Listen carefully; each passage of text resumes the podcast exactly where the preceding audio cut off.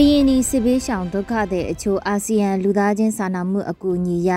ဒေါအောင်ဆန်းစုကြည်လွတ်မြောက်ရေးအစွမ်းကုန်စ조사မယ်ဆိုတဲ့ NLD ပါတီရဲ့ထုတ်ပြန်ချက်လို့အမည်ရတဲ့မြန်မာနွေခရိုနီကယ်ဇူလိုင်လ30မြင်ကွင်းမုံမခဆောင်းပါးကိုဖတ်ကြားတင်ပြပေးပါမယ်ရှင်။ ကရင်နီပြည်နယ်ကစစ်ဘေးတိမ်းရှောင်လာတဲ့ဒုက္ခသည်တွေကိုအာဆီယံအဖွဲ့ကြီးရဲ့လူသားချင်းစာနာမှုအကူအညီပေးရေးအကူအညီ AHA ကပေးအပ်တဲ့အကူအညီတွေကိုတိုင်းရင်းသားလက်နက်ကိုင်အဖွဲ့အစည်းတစ်ခုဖြစ်တဲ့ပအို့အမျိုးသားလွတ်မြောက်ရေးအဖွဲ့ PNL အဖွဲ့ကတဆင့်ပေးအပ်နိုင်ခဲ့တယ်လို့သတင်းတွေမှာဖော်ပြထားကြတာတွေ့ရပါတယ်။ ကရင်ပြည်နယ်ကစစ်ဘေးရှောင်သူတွေဟာရှမ်းပြည်နယ်တောင်ပိုင်းပအို့လူမျိုးတွေအများစုနေထိုင်ရာဒေသဖြစ်တဲ့စီဆိုင်မြို့နယ်ထဲမှာခိုးလုံနေကြတာဖြစ်ပြီး၎င်းတို့ကိုအာဆီယံအဖွဲ့ရဲ့လူသားချင်းစာနာမှုအကူအညီပေးအပ်ရာမှာအဆိုပါဒေသကတိုင်းရင်းသားလက်နက်ကိုင်အဖွဲ့အစည်းဖြစ်တဲ့ PNL အဖွဲ့ကတဆင့်စစ်ဘေးရှောင်တွေကိုပေးအပ်ရာမှာစစ်ဘေးရှောင်ဥယေ1400အတွက်ပထမဆုံးအကြိမ်ပေးဝေနိုင်တာဖြစ်ပါတယ်။အခုလိုအကူအညီပေးဝေဖို့အတွက် ညှိနှိုင်းမှုတွေလှုပ်ဆောင်ရမှာပြီးခဲ့တဲ့မေလကအာဆီယံတန်တမန်ရင်နှန်းကိုဘယ်အဖွဲ့ကမှမသိရတဲ့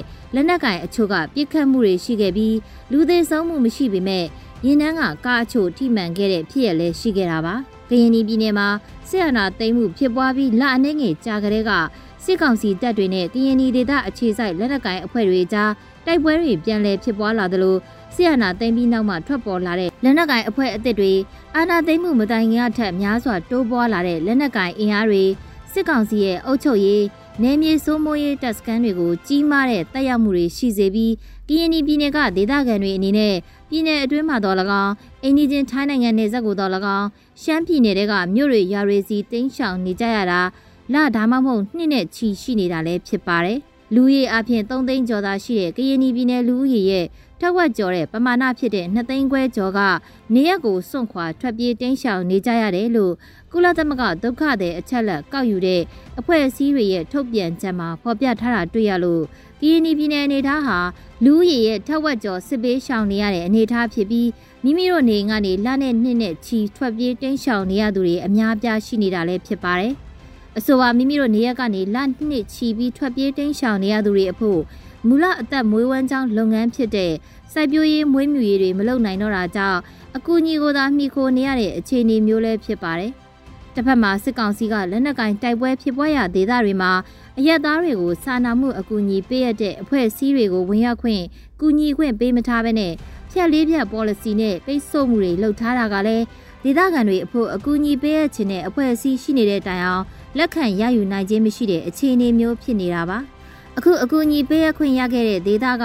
စစ်ဘေးရှောင်သူတွေဟာစစ်ဘေးရှောင်2သိန်းခွဲကျော်တဲ့ကသိငယ်လှတဲ့အစိပ်ပိုင်းတစ်ခုသာဖြစ်ပါတယ်။စစ်ပွဲတွေဖြစ်ပွားလာရင်ဒေသခံတွေပါဒုက္ခရောက်မယ်ဆိုတဲ့အချက်ကိုစစ်ကောင်စီဘက်ကလှုပ်ဆောင်ပြီးလက်နက်ကင်တိုက်ခိုက်မှုမှာအရက်သားတွေအနေနဲ့ရိတ်ခဆေးဝါအကူအညီမရအောင်တားမြစ်ပိတ်ဆို့သွားတာလည်းဖြစ်ပါတယ်။ဒီကနေ့ဖို့တခြားသတင်းသဘောကတော့ ဇူလိုင်လ29ရက်နေ့က NLD ပါတီဘိုကော်မတီကအစည်းအဝေးတစ်ရပ်ကိုအွန်လိုင်းကနေတဆင့်ကျင်းပပြီးလက်ရှိအခြေအနေနဲ့ပတ်သက်တဲ့သဘောထားအချို့ကိုထုတ်ပြန်ခဲ့ရမှာထူးခြားတဲ့အချက်တွေအနေနဲ့ဒေါအောင်ဆန်းစုကြည်အပါအဝင်နိုင်ငံရေးအကျဉ်းသားများလွတ်မြောက်ရေးအတွက်အစွမ်းကုန်ဆောင်ရွက်သွားမယ်ဆိုတဲ့အချက်နဲ့တိုင်းရင်းသားအရေးပူးပေါင်းဆောင်ရွက်မှုပုံမတိုးတက်လာဖို့အတွက်တိုင်းရင်းသားရေးရာကော်မတီကိုတိုးချဲ့ဖွဲ့စည်းရန်တွေပါဝင်တာဖြစ်ပါတယ်။